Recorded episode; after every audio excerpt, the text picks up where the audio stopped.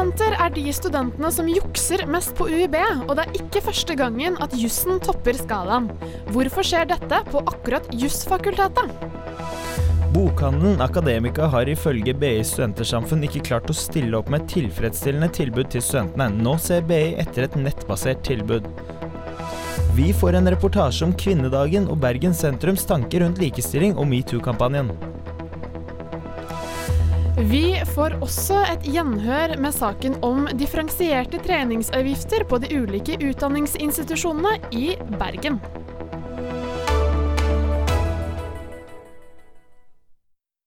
Du hører på Nyhetsuka på Studentradioen i Bergen. Mitt navn er Marit Moen Fjell, og med meg i studio i dag har jeg Siamak Nematpour.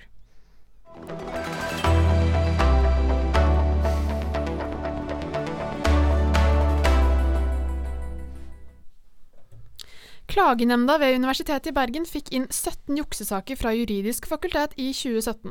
Tallet tilsvarer to tredjedeler av det totale antallet juksesaker, som er 26. Juksetallene er hentet fra årsmeldingen til den sentrale klagenemnda ved UiB, og tallene viser hvor mange saker nemnda har behandlet, men sier ingenting om hvordan studentene har jukset. Dette kan gjøre det vanskelig å peke på hvorfor jusstudentene jukser mest. Dette melder Studvest denne uken. Med oss for å snakke om juks på Det juridiske fakultet har vi dekan på dette fakultetet, Carl Harald Søvig. Velkommen til deg. Takk skal du ha, og takk for muligheten til å komme. Ja. Eh, hvorfor forekommer det mest juks på Det juridiske fakultet? Ja, jeg vil si Det at det er ikke sikkert at det forekommer mest juks i betydningen at jusstudenter jukser mer enn andre. Vi vet at det var 17 saker i 2017, og vi vet det at juss er et av de største fakultetene hvis vi måler i antall studenter. Mm. Våre studenter de leverer i løpet av ett år ca. 24 000 obligatoriske oppgaver under studiet. Alle disse går gjennom en plagiatkontroll, og i et sånt perspektiv så er det få saker. Ok, ja, Men det er jo flest saker på universitetet da, likevel? Jo, men eh, hadde han sagt dette er hvordan man måler, og det er mm. mange måter å måle på. Og Hvis man ser på at vi har et mer omfattende regime når det gjelder obligatoriske innleveringer Jeg tror ikke det er noen andre fag som har så mange innleveringer som oss. Og vi går systematisk gjennom dette med tanke på plagiatkontroll. Mm. Og I et sånt perspektiv så vil jeg mene at 17 saker er lite. Men eh, blir ikke det litt sånn pirking i forhold til at juks er juks, og dere må ta opp kampen mot, uh, mot disse sakene, da? Vi vil jo ha så lite juks som mulig, selvsagt. Men jeg tror det er umulig å se for seg på alle fakulteter at det ikke vil forekomme juks. Og jeg mener det at uh, når vi ser på hvor mange innleveringer vi har, så er det fryktelig få med 17 saker. Jeg mener at det ikke er dekning for å si ut ifra dette at jusstudenter jukser mer enn andre. Mm. Det kan det være, men skal du finne ut av det, så må du foreta andre typer undersøkelser enn å se på statistikken fra den sentrale klagenemnden. Mm. Føler du at det ble litt blåst opp i Studvest? Nei, nå skal ikke jeg legge meg opp i redaksjonelle vurderinger som andre foretar, men jeg tror at det ligger en lærdom i dette her med hvordan man ser på tall og statistikk. Mm. Fordi at eh, jeg er helt enig, juss troner jo her, hvis du ser på statistikken fra klagenemnden. Men hvis du prøver å gå bak tallene og se på bakgrunnen, så mener jeg det at bildet er mye mer eh, hva skal man si, komplekst. Og det er ikke dekning for å si at jusstudenter jukser mer enn andre. På hvilken måte er det de egentlig jukser? Nei, Det er to måter som særlig er fremtredende. Det ene er det at man har obligatoriske innleveringer hos oss, som er en del av studiet, som ikke er en eksamen, men hvor du må ha et visst antall innleveringer. Og En del av dette er plagiat. Altså Dvs. Si at man har skrevet av andre. Eh, og vi foretar jo en manuell kontroll. fordi at det kan jo tenkes at eh, innleveringen er plagiat hadde nær sagt elektronisk sett, fordi at det er høy grad av tekstsammenfall. Men hvis det viser seg at du da i stor grad har klippet og limt fra lovteksten, så er jo ikke det hadde nær sagt, det er juks. Det er kanskje litt uskjønnsomt å kopiere store mengder lovtekst, men det er jo selvsagt ikke juks. Så det er jo en manuell eh, bit i dette. Så har vi på juss eh, fremdeles den ordningen om at på skoleeksamen, vi har mange skoleeksamener hos oss sammenlignet med andre fag, så har jusstudentene med seg lovsamling. Den lovsamlingen har de mulighet til å skrive inn forskjellige typer innarbeidinger. Og det er den andre typen juks, at det er enten ulovlige innarbeidinger eller at det er papirer som er tatt med i lovsamlingen, for man må bare ha lov til å ha med seg lovsamlingen og ikke andre papirer. Mm. Tror du det er, um, det er, grad av misforståelse her, mellom student og ledelse, og hva som er lov og ikke lov på eksamen? Jeg tror Det er alltid noen hva skal man si, gråsoner, mm. men jeg tror de fleste Vi hadde jo den saken her for mange år siden med han som ble tatt, og, tatt i retten for å ha jukset og sånt noe. forekommer det i større grad på juss, tror du, enn andre studieretninger? Jeg skal være veldig varsom med å si om det forekommer mer. Men vi hadde jo en sak som gikk helt til Høyesterett som gikk på dette spørsmålet om egentlig når eksamen begynner. Mm. Fordi at disse papirene lå da igjen før selve eksamensoppgaven var utlevert. Men man la til grunn at det også var juks å ha det med i denne halvtimen hvor det er en bokkontroll i forkant. Mm. Men uh, til tross for at Dussen har høye tall, så er det ikke i nærheten av hva juksetallene på UiO forteller oss. Uh, for der er det HF da som har skåret høyest med nesten 80% av sakene. Hva tror du er grunnen til at det er forskjell uh, på hvilke fakulteter som jukser mest, ut ifra hvilket universitet? Ja, Det er et godt spørsmål. Jeg skal være litt varsom med å gi et sikkert svar. Men så vidt jeg har skjønt, så bakgrunnen for at HF i Oslo skårer så høyt, er at de har tekstkontroll på obligatoriske innleveringer. Det er det som trekker det tallet opp. Og Sånn sett kan du si at det er sammenfallende med juss i Bergen, fordi at juss i Bergen har større innslag av obligatoriske innleveringer enn eh, de andre søsterfakultetene. Og på samme måte som HF i Oslo. Det kan være det at det er dette tekstsammenfallet og denne systematiske letingen som på et vis da drivkraften delvis blant disse høye tallene da på eh, HF i Oslo. Mm. Må de andre fakultetene bli flinkere til å kontrollere juks, tenker du? Nei, jeg tror vi skal altså vi vil, eh, og det tror jeg alle eh, fakulteter vil, og det tror jeg alle studenter vil, nemlig at eksamen skal være mest mulig rettferdig. I den forstand at alle skal stille på like vilkår, mm. eh, uten å ha hjelpemidler til disposisjon som de andre ikke har. Og Der tror jeg både studentene og fakultetene har en sammenfallende interesse. Og så må vi selvsagt passe på at ikke dette regimet blir veldig sånn altså, Det er noe med å føle seg kontrollert. Men jeg tror ikke vi kommer utenom at så lenge skoleeksamener ikke er med alle hjelpemidler tillatt, så vil det være innslag av juks. Hvordan vil eh, skolen, eller fakultetet og ledelsen jobbe for å forebygge juks? Vi jobber hele tiden med våre studenter med å fortelle om nødvendigheten av etisk bevissthet. Det vil vi fortsette med. Akkurat når det gjelder skoleeksamen, så håper vi jo på sikt å få til en digital løsning, sånn at studentene våre ikke lenger har med seg den fysiske lovsamlingen, men har en elektronisk versjon tilgjengelig. Da vil mye av den jukseproblematikken forsvinne. og Det håper vi å få på plass. Men det er på et vis ikke for å unngå juks, men fordi at vi mener det er mer realistisk prøving for studentene å sitte med en digital lovsamling enn med papirutgaven. Mm. Tror du det er lettere å bli tatt for juks nå, bare fordi vi har digitale hjelpemidler, og fordi at det ligger så mye ute? da? Ja, Det er et godt spørsmål. og Hvis du ser litt på hva som er skrevet eh, rundt omkring eh, i andre medier i andre land, så kan man jo få inntrykk av at eh, juks til en viss grad er en, i vekst, fordi at man har hva skal Man si, man kan sende meldinger på elektronisk vis. Det er lettere nå enn før. Men jeg tror de fleste studenter de jukser ikke. Jeg tror det er viktig Nei. å få frem De aller fleste studentene ja. gjør jo ikke men det. Men tror du det er mange som blir tatt for juks, selv om de kanskje ikke har jukset? Det håper jeg jo ikke. Nei, for man kan jo faktisk bli tatt for juks i å plagiere seg selv. Nei, og i hvert fall de sakene som vi har med plagiat, de går jo gjennom en manuell kontroll. Mm. Sånn at det er ikke bare spørsmål om det elektronikken finner tekstsammenfall. Man må jo også menneskelig se på hva er dette tekstsammenfallet knyttet til. Er det å ha skrevet av andre, eller er det hva skal man si, eh, skrive av seg selv eller andre kilder som er hva skal man si, innenfor. Mm. Men tror du studentene har misforstått hva som er plagiat, hva som ikke er plagiat? I forhold til oppgavene de leverer, og kanskje referering, da? Noen ganger kan det vel være det, men jeg tror at eh, studentene etter hvert får en god forståelse av hva som er riktig eller ikke. Men jeg tror de fleste av oss som holder på å skrive noe, vil jo oppleve en annen form for plagiat som ikke er bevisst, men man sitter og får en annen tanke, så legger man seg tettere på teksten eller ikke. Det tror jeg de fleste av oss kan kjenne oss igjen i. Da må vi dessverre avslutte der. Tusen takk for at du kunne komme i studio, Carl Harald Søvik. Du hører på Nyhetsuka. Dagens programleder er Marit Moen Fjell. Ved Handelshøyskolen BI er det uenighet mellom BI studentsamfunn, BIS og bokhandelen Akademika om bokhandelens tilbud til studentene.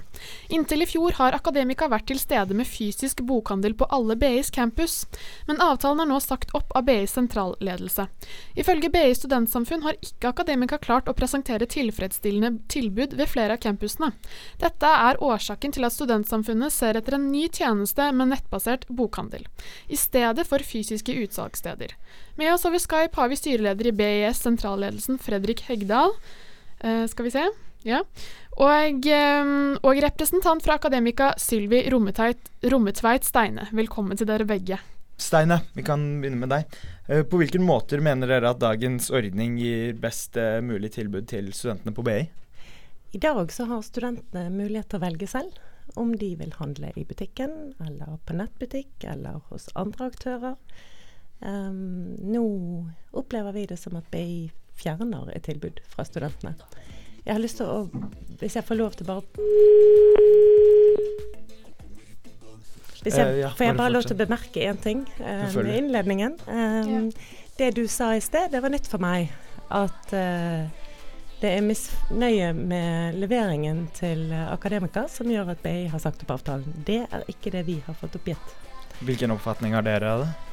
Nei, altså jeg sitter jo med mange referater fra brukerrådsmøter hvor både studentrepresentanter og ansatte og administrasjonen ved BI deltar med akademikere. Disse har vi jevnlig. Der uttrykkes det stor fornøying med Altså de er veldig fornøyd med det vi har levert uh, i butikkene våre. Så jeg ikke, kjenner meg ikke igjen i den, uh, og det er heller ikke det BI har opplyst til oss. Men, det de har eh, sagt er at de ønsker en ny leveransemodell det blir jo hevdet av BIS og eh, SBIO at eh, akademika hever prisene på nett i forhold til butikk da, for å manipulere studenter til å handle på campus. Stemmer dette? Nei, altså nå er jo vi um, Har jo mange nettkunder i resten av landet òg. Både faktisk både nasjonalt og internasjonalt. Uh, og vi kan ikke skru opp prisene for å gjøre butikkene mer attraktive. Det vi har, er at vi har andre virkemidler i butikk enn på nett. Mm. Eh, Hegdal, er du med oss? Ja, jeg hører diskusjonen. Det er litt uh, dårlig signal her. Er det du som har musikk på? Uh, nei, musikk skal ikke være på her. Det, det bør ikke være. Hører noe musikk på øret her, skjønner, skjønner ikke helt hvor det kommer. ja, OK, nei, her er det stille på et selvdom i Oslo. Hører dere okay. det er greit for dere å si det? Ja. Ja. Nei, jeg bare innledningsvis uh... Ja, Hegdal, hva, hva, tenker du om det som blir sagt her? Nei, altså Innledningsvis så, så må jeg bare informere at altså, det er jo ikke BI studentsamfunn som, som er ute etter en ny avtale. Denne avtalen er jo sagt opp mellom BI og Akademika. Eh, hovedbakgrunnen for eh, avslutningen av avtalen er jo eh, at vi har to nye campus som eh, blir eh, flytta på, både i Stavanger og i Trondheim der eh, det ikke er inntegna fysiske bokhandler. Eh, og når Akademika ikke ønska å ha en nettleveranse, som eh, man ønsket på disse to campusene, så så BI seg nødt til å gå eksternt ut i markedet for å, for å, få en modell som vil fungere for disse nye campusene, og få en modell som er lik på alle fire skolene i Norge. Hvorfor tror du det er bedre med netthandel? Vi ser at uh, Akademika i dag er en uh, ganske betydelig aktør. Uh, så bare det å få inn en, se på andre aktører i markedet, få inn på konkurrere på pris Det er jo klart at Akademika er ikke det rimeligste tilbudet for studentene. Og vi ser det som ekstremt kjent for studentene at det kommer inn andre og utfordrer den posisjonen også. Når det gjelder tilbudet som går på BI, så er det viktig at tilbudet er likestilt på alle fire campus. F.eks. i Bergen så vil, så vil, selv om eh, vi går over til en nettbokhandelsløsning, så vil jo også om de ønsker å få bli der, eh, fortsette i, i bygget, ettersom de har en leieavtale med, med GC Riber. Men på sikt så ser vi det som, eh, som en god løsning med å få inn en, eh, en aktør som, som kan eh, distribueres over nett. For det blir mer fleksibel og en, en bedre løsning for studentene. Eh, jeg må jo få lov til å si at jeg er ikke helt med på det verdensbildet du tegner. Eh, jeg kan ikke helt se at det blir mer valg og mer fleksibilitet for studentene om du tar bort et alternativ og låser de i en digital plattform. Det er den ene biten. Eh, den andre biten er jo at vi opplever det jo som at studentene selv egentlig ikke ønsker dette. I Bergen og i Trondheim Um, la meg bare ta Bergen først. I Bergen så er vi i samme bygg, uh, eller byggmasse. Der har vi en avtale med huseier. Der blir vi værende. Uh, og da det ble kjent blant studentene i Bergen, så fikk vi altså et renn av glade studenter som kom og var veldig fornøyd med det. Uh, I Trondheim så har vi også en avtale med huseier, men vi har ikke avtale med det i det nye bygget som ligger et stykke bortenfor. Men der blir vi værende i det bygget hvor vi har en avtale. Så der vil vi også være i stand til å serve disse studentene fysisk. Og det er jo ikke som om vi ikke har et netthandelstilbud. Vi er den eneste netthandelsaktøren som faktisk kvalitetssikrer og legger ut pensumlister på nett. Um, vi blir uh, en veldig betydelig leverandør av digitale eh, e-bøker eh, på nett, på fagsiden. Uh, vi har inngått en avtale der nå. Så, så, jeg klarer ikke helt å se at virkeligheten er sånn. Vi har, og jeg var med å starte BI Bergen i 2011 i sin tid, på Akademika der nede. Og, og, vi har hatt et kjempegodt forhold til studentene hele veien. Både til BIS opprinnelig, med mange kvelder da vi skulle starte opp med hva skal dette være for en bokhandel, hva ønsker dere fra oss, hva, hvordan skal vi gjøre dette best mulig for, for dere. Uh, og vi har hatt, opplever vi, et veldig godt forhold hele veien. Så det som på en måte nå er skjedd, der uh, kjenner vi oss rett og slett ikke helt igjen i, i uh, den virkelighetsbeskrivelsen. Men, men, jeg tror forholdet mellom studentene og akademikere er bra. Jeg tror problemet, som jeg har forstått det, ligger kanskje litt i at studentene mener at dere er overpriset, og tror det kan blitt et problem at Akademika på en måte har fått litt monopol over fagbøker på de forskjellige institusjonene, som fører da til at dere på en måte har blitt overpriset en del av disse bøkene, da? Uh, vi har for, for, det første, vi er ikke monopol. Langt ifra. Tro meg. Vi jobber veldig heftig. Dere har jo butikker på campusene. Det har jo ingen andre nett... Det har vi. Når det er sagt, da BI uh, Altså da vi tegnet den avtalen som nå er sagt opp fra, fra BI sin side, så var det BI som ville ha inn én aktør på alle fire campuser. De ville ikke ha ulike. Det var det jo tidligere. Uh, og det er BI som da behandlet de anbudene meg bekjent så er det ikke så veldig stor konkurranse om å ha bokhandel på campus. Og det er fordi at fagbøker er det veldig lave avanser på, og det er dyrt å drive faghandel med det fagtilbudet som, som det krever. Hegdal, hva tenker du om det som blir sagt her? Jeg kan ta det første først. Når det gjelder nettbokhandel, så ja, akademikere har en, en nettbokhandel, men, men i eh, forbindelse med opprettelse av disse nye campusene, så var nettopp det grunnlaget for at, eh, at eh, avtalen ble sagt opp. At ikke akademikere ønsket å videreføre en rendyrka nettbokhandelsmodell på de nye campusene. Så det var egentlig akademikers eget veivalg der, å ikke, ikke, utvikle noe tilbud som kunne til, tilfredsstille de nye, nye, kriteriene de nye byggene stilte. Og det er jo også en feil eller en rar ting å si at ikke akademikere er tilnærmende monopolister når det gjelder fagbokhandler. De er jo til, eh, i størst mulig grad de er jo eneste tilbyder av fagpensum, og, og, og oppfattes også studentene som, som, det tilbudet der som skal tilføre de eh, all eh, studiematerialet de ja. kunne trenge. Du ser ikke helt, du, Hegda ser ikke helt enig ut uh, i akkurat det? Nei, vi har uh, 54 av fagbokmarkedet i Norge per i dag. Uh, det er tallet. Vi har eh, veldig sterke konkurrenter. Fra spenner fra Amazon til alibaba.com og mm. Adlibris, ark.no. Eh, Norli er kjempedyktige. Så jeg opplever det overhodet ikke som at vi er noen monopolist i dette markedet. Men hva tror du er den ideelle løsningen i den konflikten her, da? Vi prøver, og det er det vi lever for. Vi lever for å hjelpe studentene til å komme seg gjennom studiene på absolutt best mulig måte. Vi tror jo genuint at det å ha et fysisk bokhandeltilbud til studentene som en supplering til og i tillegg til nett Jeg tror det er sunt med den konkurransen som er der ute. Eh, men jeg tror det er veldig trist å ta fra studentene dette tilbudet. Og det er klart, det er en BI er en, den største private utdanningsaktøren i Norge. Um, studentene der betaler mye for å gå der. Jeg, jeg, jeg, sliter litt med å se at tilbudet deres skal være dårligere enn andre studenters. Mm. Da må vi dessverre avslutte der. Tusen takk for at dere kunne komme til studio, Fredrik Hegdal og Sylvi Rommetveit Steine. Du hører på Nyhetsuka. På Studentradioen i Bergen.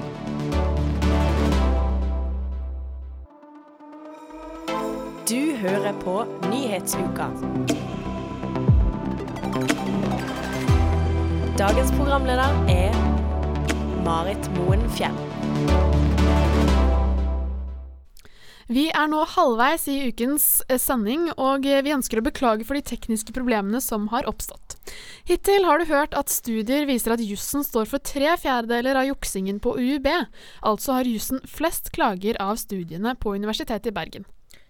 Vi har også snakket om uenigheten mellom BI studentsamfunn og bokhandelen Akademika om bokhandelens tilbud til studentene.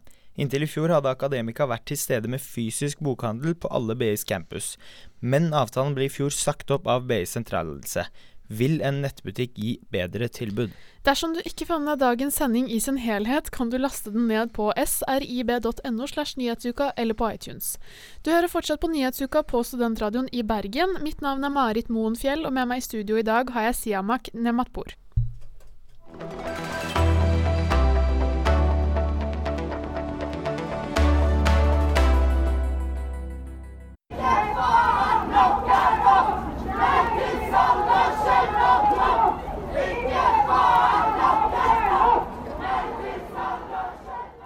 Går var det 8. mars, den internasjonale kvinnedagen. Vi i Nyhetsuka dro til Torgallmenningen her i Bergen for å dekke årets tog. Og for å snakke med menneskene som gikk i det. Arrangementet startet klokka fem, men jeg var tidlig ute og fikk med meg et ganske heftig sammenstøt mellom en gammel rødstrømpefeminist og et medlem av den nynazistiske organisasjonen Nordfront. Spytt ble utvekslet. Da jeg prøvde å få en kommentar fra Nordfront om hva de gjorde der, og om de faktisk skulle gå i toget, ble jeg kalt en jævla venstresidejournalist. Det kan virke som om ikke alle frammøtte var like positive til markeringen av kvinnedagen. Men mange ville snakke om hvorfor de gikk i 8. mars-toget. Jeg syns det er veldig viktig. Jeg har aldri vært sånn før var jeg en av de som, kvinner som gjerne ikke sa så mye sjøl og holdt seg litt i bakgrunnen. Men eh, sånn i fjor mitt første 8. mars-tog, og liksom i år jeg er med i AU, eh, og liksom å kunne bidra eh, for kvinnekamp og likestilling betyr veldig mye for meg. For meg så er det veldig viktig å feire 8. mars fordi eh, kvinners rettigheter er like viktig som alle andre sine rettigheter. Og for meg så er likestilling noe av det viktigste. Og jeg er veldig opptatt av at alle mennesker skal bli behandlet likt, og at ingen skal bli behandlet på en annen måte bare pga de ser annerledes ut, eller liksom pga. hudfarge eller religion. 8. mars er viktig for meg fordi vi ennå er ikke ferdig, eller at vi ennå ikke er i mål med likestillingen. Eh, og så ønsker jeg, I dag går jeg med SAI, da, så i dag ønsker jeg at alle kvinner i verden skal få den utdanningen de fortjener. Og jeg tror at vi dermed vil få en litt bedre verden. Jeg er her fordi at eh, rettigheter for kvinner fremdeles ikke blir uh, prioritert som de bør. De skal være likestilt som alle andre kjønn. Og eh, ja, eller sånn først og fremst menn. Primært pga. Sumaya, mm. Eh, men jeg pleier å gå de fleste år. Det var knyttet stor spenning til appellen som skulle holdes. Som mange sikkert har fått med seg, skulle Sumaya Irade Ali egentlig holde en appell. Men grunnet grov hets og trakassering og hennes psykiske helse valgte hun å trekke seg. Men til alles overraskelse endret hun scenen til en øredøvende jubel fra folkemassen, og holdt en appell om hvordan de siste ukene med hets hadde påvirket henne. I snart to uker har undertegnede, meg, vært utsatt for en av de mest belastende hetskampanjene jeg noensinne har vært gjennom. Og jeg kan rangere fordi jeg har vært gjennom en god del. Det hele startet da en skribent på nettstedet Resett ble sterkt provosert av at jeg hadde sagt ja, fuck Sylvi Listhaug og fuck the police.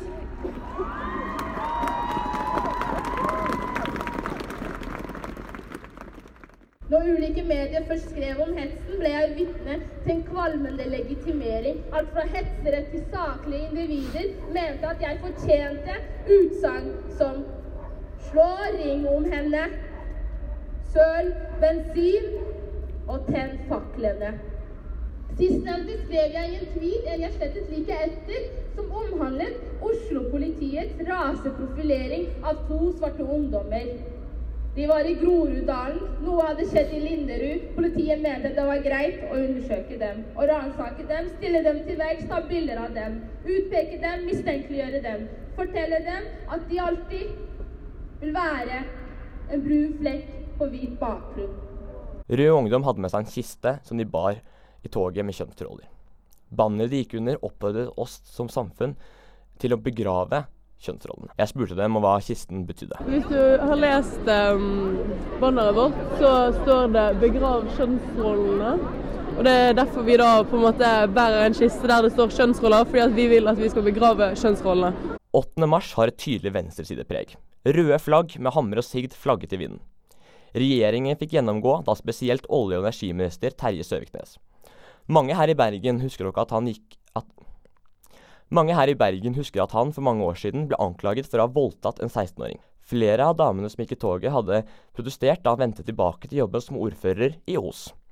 Og nå er de veldig forbanna på Erna, som har gitt han en sentral rolle i regjeringen.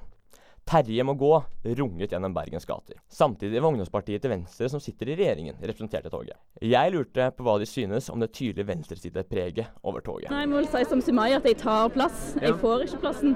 Du må bare møte opp og vise at du er der, at du har gjerne ofte de samme intensjonene, kanskje bare ulike tilnærmelse. At det er mye til felles, bare ikke fokusere bare på det som splitter. Eh, Så syns jeg det er veldig givende å diskutere uenighetene òg. Etter toget samlet de fleste seg på Folkets hus, der det ble holdt appeller om saker som er viktige for kvinnekampen. Sanger ble sunget i fellesskap, og det ble delt ut priser til Bergens tøffeste kvinne. Jubelen sto i taket da det ble meldt at rundt 2700 mennesker hadde gått i 8. mars-toget i år. Da arrangementet var over, skulle flere ut og feire seg selv. Det jeg sitter igjen med etter årets kvinnedag, er at feminismen fortsatt står sterkt blant kvinner i Norge. Og det gleder meg at mange menn også var der, for å vise støtte til kvinnesaken. Men hvor går veien videre? Det er fremdeles mye som må gjøres. Men etter i går virker det som kvinnene her i Bergen er klare for å fortsette kampen. Så gjenstår det bare å gratulere alle kvinner med dagen som var i går.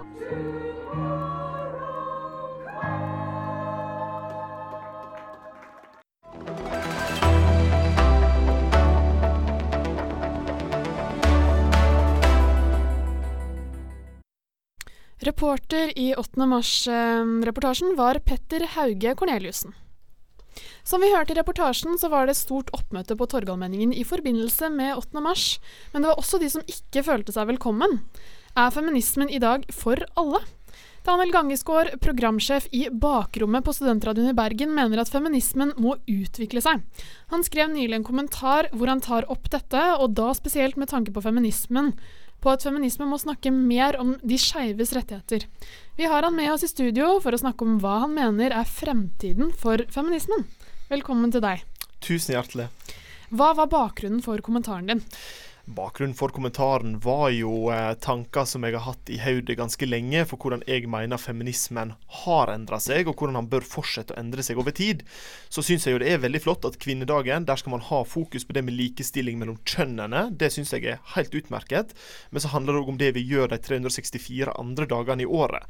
Og da er det jo nettopp det med, som jeg òg skriver, altså minoriteter, transpersoner, biseksuelle, homofile, hva det enn måtte være for noe, så har feminismen kommet til et punkt i et flerkulturelt Norge i dag der det handler om å få flere inkludert i den biten.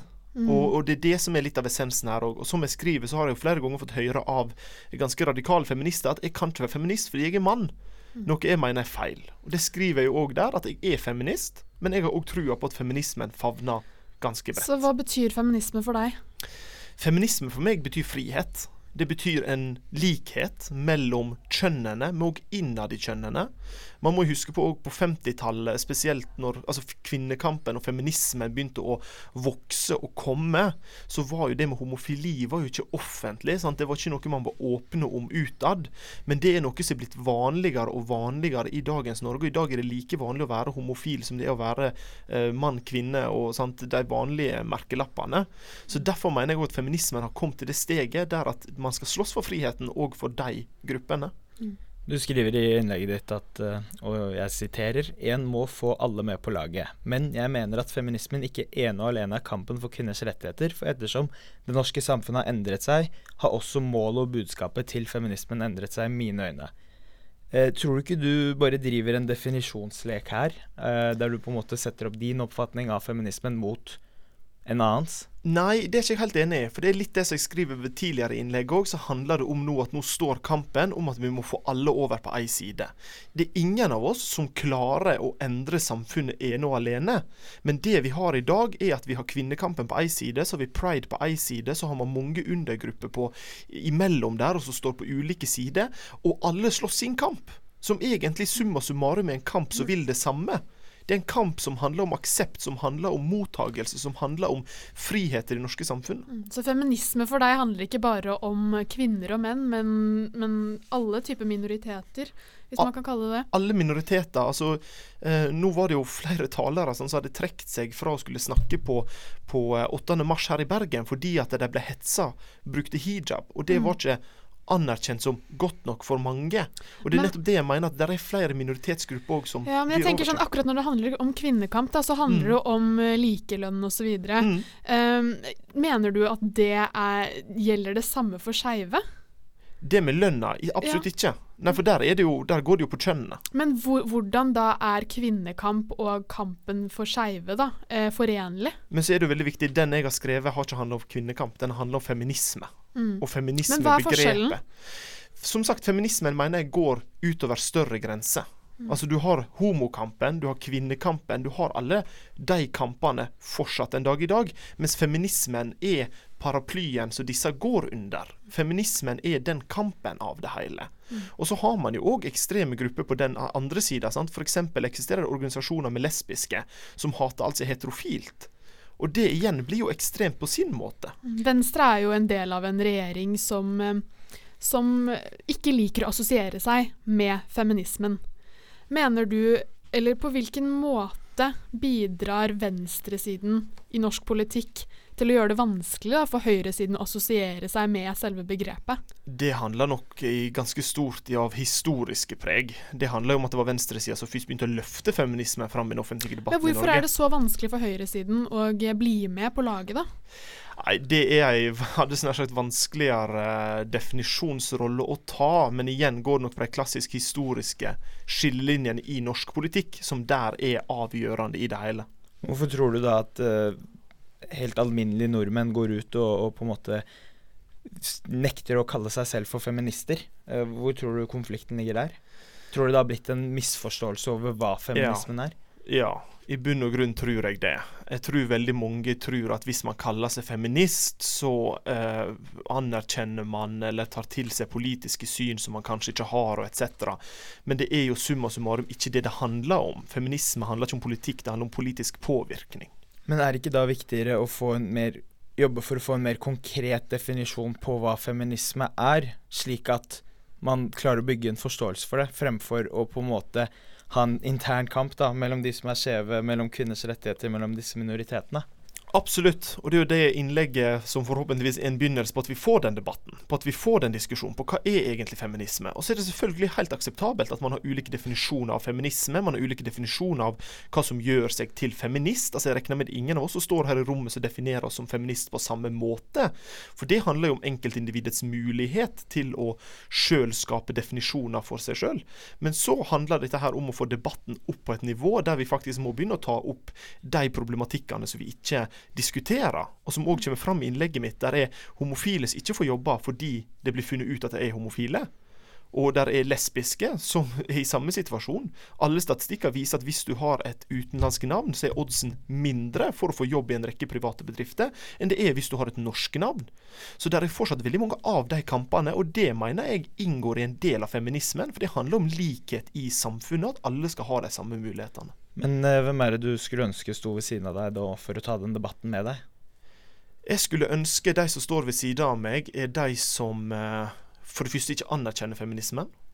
De som mener at feminisme er tull, for det er dessverre altfor mange av de òg. Det så jeg sjøl på Facebook og Snapchat og sånn i går. Og det er hovedsakelig menn som tilhører den eh, delen av kategorien, ligger ganske langt ute på ekstrem høyre side. Og så er det de som ligger langt ute på ekstrem venstre side, som mener at fem, eh, menn ikke kan være feminister. Det er en kommentar jeg har hørt altfor ofte.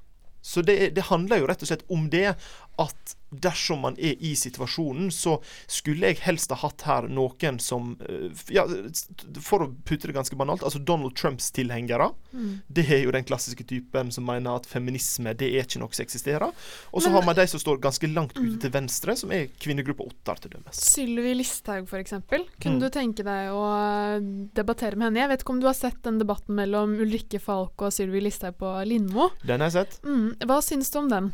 Jeg syns den er helt uhorvelig, egentlig. Det handler om at Sylvi Listhaug, ja, hun må få lov å si det at hun ikke er feminist, for all del. Det er, sier ikke at feminist er noe vi alle skal være hvis vi ikke ønsker å være det. Men det den går ut på, er jo det at hun putter der kvinnekampen ganske langt tilbake i tid, med sine uttalelser i den debatten. Det gjør hun. Ja.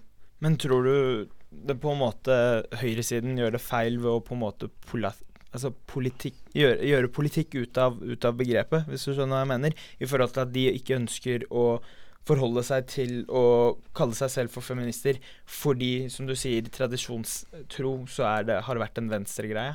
Der tror jeg man må egentlig se litt på begge parter. For der er jo ekstreme parter på begge sider. Og Sylvi Listhaug står nok på det mest ekstreme på høyre side, men så har man like ekstreme på venstre side som sjøl sier at vet du hva, hvis du har passert sentrum, da kan ikke du være feminist. Du kan ikke bry deg om kvinnekamp, fordi det har du ingenting med å gjøre. Så der finnes ekstreme parter på begge sider. Og det òg er nok en del av grunnen til at man har sett færre fra det politiske høyre inn i kvinnekampen, fordi at det er mange radikale langt ute på venstresida som mener at dersom du tilhører det partiet eller har stemt det partiet, ja, da kan ikke du være med i kvinnekampen, for har, der har du ingenting å gjøre. I deres øyne. Så det har blitt sånn politisk mynt slått på, på begge sider, ganske ekstremt. Mm. Da sier vi tusen takk for at du kunne komme til studio, Daniel Gangeskar. Du hører på Nyhetsuka. Dagens programleder er Marit Moen Fjell. Det er fredags formiddag, og helgen er her snart. Men før vi legger oss ned og slapper av, så skal vi ta dere gjennom noe av det som vi skulle ønske var annerledes. Og ting som irriterer oss, som man eh, tradisjonstro gjør i en kommentar. Siamak, hva, hva har du på hjertet i dag? Uh, vet du hva, jeg, jeg, vet du hva, jeg er lei. Jeg er lei mennesker som tror de kjenner deg basert på studiet du går. Jeg er også veldig lei de som er opphengt i karakterer og ikke fokuserer på kunnskap. Eh, og da de som også søker studier pga. status og lønn.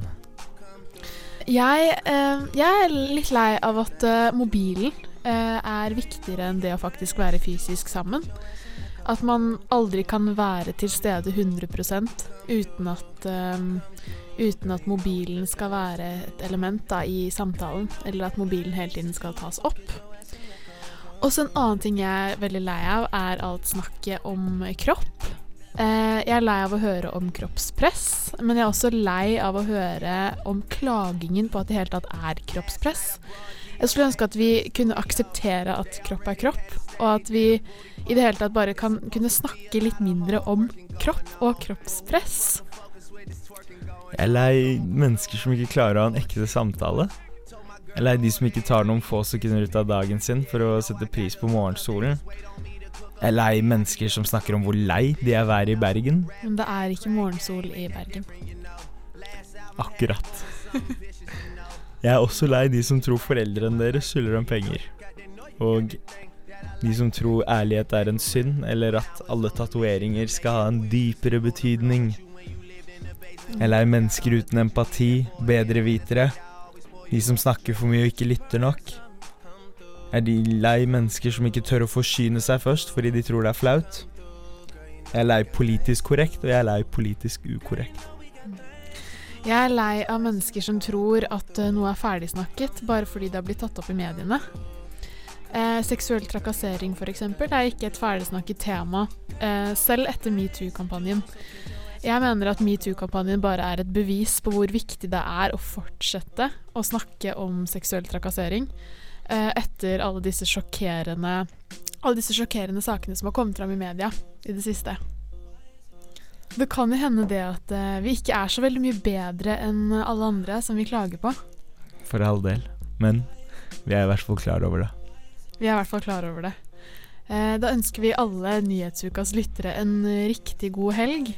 Eh, og et godt liv. Takk for meg.